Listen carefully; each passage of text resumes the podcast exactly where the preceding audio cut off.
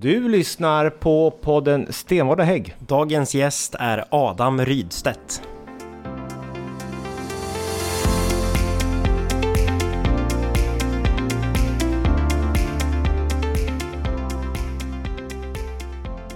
Välkommen till eh, Hudiksvall och... Nej, det, så ska jag inte säga. Nej, det är jag som ska välkomna er till Hudiksvall. Ja, tack så mycket. Tack. Tack för att vi fick komma. Kul att få vara här. Adam Rydstedt är den som vi besöker idag. Ja, och nu kan jag svaret på alla de här frågorna, men de som lyssnar kanske inte kan det. Vem är Adam Rydstedt?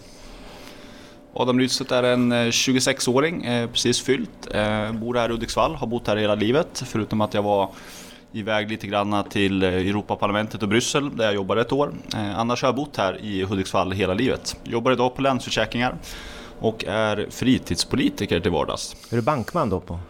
Både bank och försäkringsman kan man säga. Vad gör man på banken efter klockan tre? Men det är ett helt annat program, det är ett helt annat avsnitt. Det är en fråga som inte vi svarar på. Men eh, Adam, vad, vad gör du då när du inte jobbar med på banken eller är eh, fritidspolitiker? Vad gör du? Vad har du för... Vad gör du en, en ledig lördag?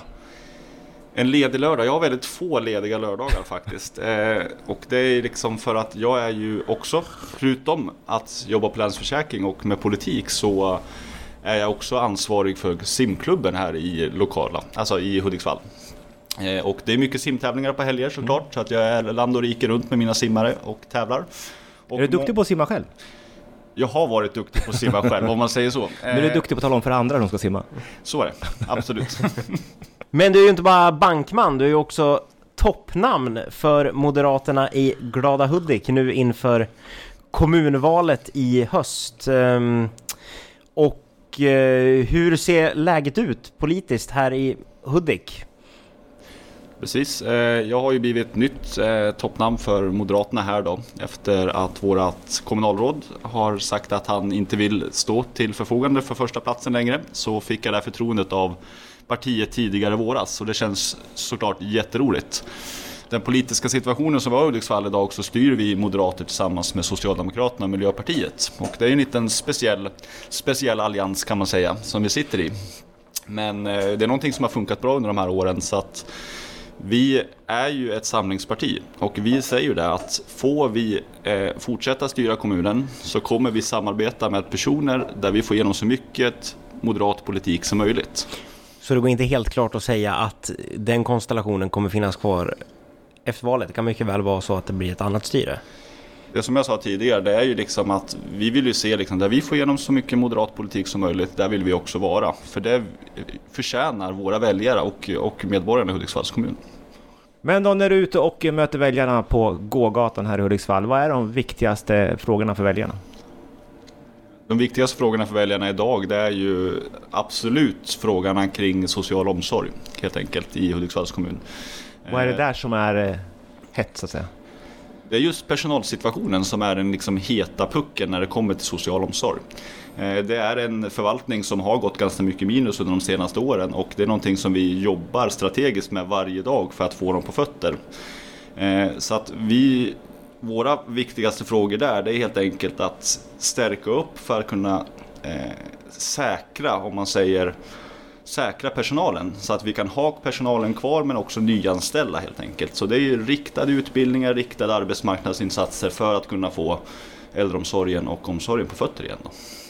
Och eh, om vi ska hisspitcha kommunen här nu då. Vad är det bästa med Hudiksvall? Varför ska människor söka sig och eh, flytta till Glada Hudik? Varför ska Alexander flytta hit från Söderhamn? Hudiksvall är ju en fantastisk kommun på många olika sätt. Vi har ju både våran vackra stadskärna men vi har också en fantastisk landsbygd. Vi har Dellensjöarna, eh, vi har också våran vackra skärgård. Eh, och där gör vi satsningar nu för att kunna utveckla både landsbygden och skärgården ännu mer så den ska bli ännu mer attraktiv. Sen Visst har ni infört en skärgårdstrafik med båt? Är det på gång? vi håller på med det. Ja, så Alexander kan ta båten nu till... till Agön om Ja. vill. Absolut. Och sen så är det ju också som så, Hudiksvalls kommun är ju, är ju fantastisk på det sättet för att vi ligger väldigt strategiskt bra när det kommer till både Norrlandsregionen men också ner mot Stockholmsområdet. Det är två och en halv timme med snabbtåg till Stockholm. Det är en timme till Gävle och ungefär en timme till Sundsvall. Så att vi ligger i en arbetsmarknads eller arbetsmarknadsområde som är väldigt starkt för oss också. Så att arbetspendling från Hudiksvall, det är en fantastiskt bra möjlighet om man vill jobba i Gävle eller Sundsvall och bo i Hudiksvall. Och då är det viktigt att man har en bra infrastruktur, eller hur Alexander? Precis, och det har, jag har ju en fantastisk infrastruktur till Hudiksvall, för här är det ju faktiskt fyrfilig E4 mellan eh, Söderhamn och Hudik. Och jag, jag, bruk, jag gillar ju att åka till eh, Hudik och jag, jag trivs ju i Hudik när jag är här och jag tror mycket kan ha att göra med att man blir inte så sur när man är på väg hit för vägen är så pass bra. Men när jag kommer till Gävle kan jag vara ganska putt när jag kommer dit för jag har suttit och irriterat mig på E4 på vägen dit. Och vi vill också ha fyrfältväg till Det vill, Sundsvall. det vill vi ha. Det vill vi ha. Och vi vill också ha en snabbare utbyggnadstakt på Ostkustbanan också så vi kan knyta ihop både Gävle, Sundsvall och Stockholm på ett bättre sätt mot Hudiksvall. Härligt, vi verkar vara väldigt överens. Men Adam, om vi ska vara lite krass så, så är det ju lite grann ditt fel att jag sitter här idag. Det är ändå du som på något sätt bär ansvar för att jag en gång varit aktiv i Moderaterna. Ska du dra storyn lite grann kring hur du och jag möttes där på Donken i Söderhamn för Är det- är det åtta år sedan? Eh, det får vi se om vi måste redigera det här i efterhand. Nej, men det är ju som så Alexander att vi har ju gjort en ganska lång resa tillsammans inom både Moderata ungdomsförbundet och nu partiet. Och eh, första gången jag träffade dig, eller första telefonsamtalet jag hade till dig, det var lite roligt det också. När jag säger att du ska med på aktivitet i Gävle. Du hade inte så mycket att säga till om om jag säger så. Eh, så Det var att- att haka på. Då kom jag där, eh, nybliven 18-åring, sladdar in med min mammas då gamla Citroën på Donken i, i, i Söderhamn och plockar upp eh, Alexander för att åka ner på en utbildning i Gävle. Och jag kan säga så här att eh, samtalsämnena i bilen gick ju från politik till lite mer personliga saker. Men efter det så har vi blivit väldigt goda vänner om man säger så. Så det vart en ganska bra resa där ändå. Det får man ju säga. Jag tror att det inte finns någon jag har delat så många hotellrum med i mitt liv som eh, Adam Rydstedt. Okej, vi, vi stannar där som eh, en känd vänsterpartist säger.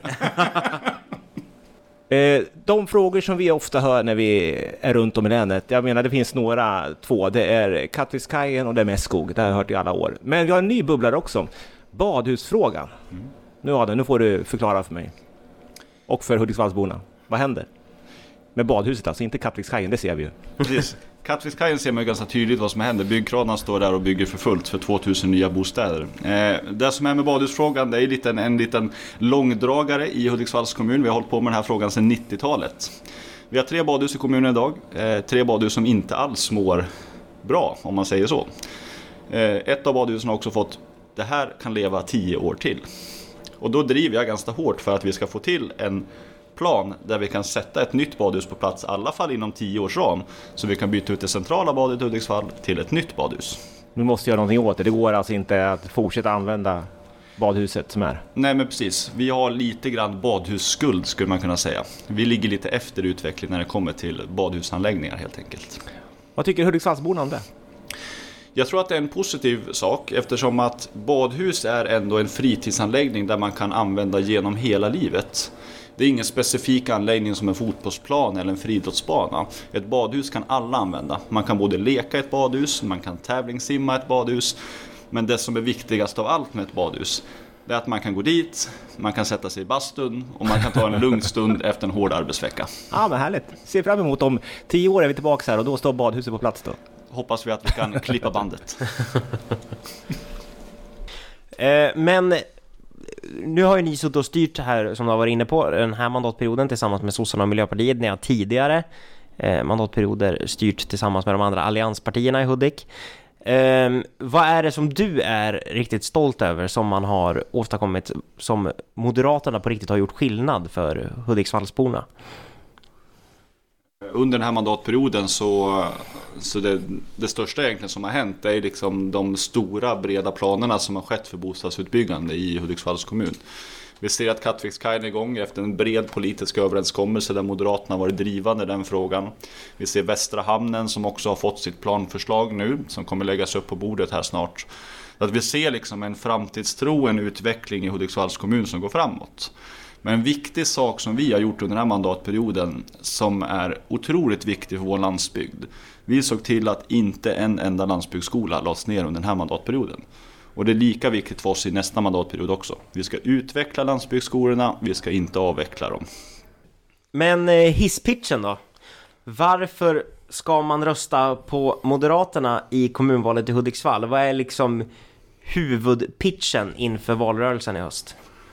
Vi har sagt det i vår eh, politiska valrörelse som vi går in i nu i Hudiksvalls kommun att vi vill stå på medborgarnas sida. Så vårt budskap till Hudiksvallsborna är att Moderaterna står alltid på din sida i alla frågor.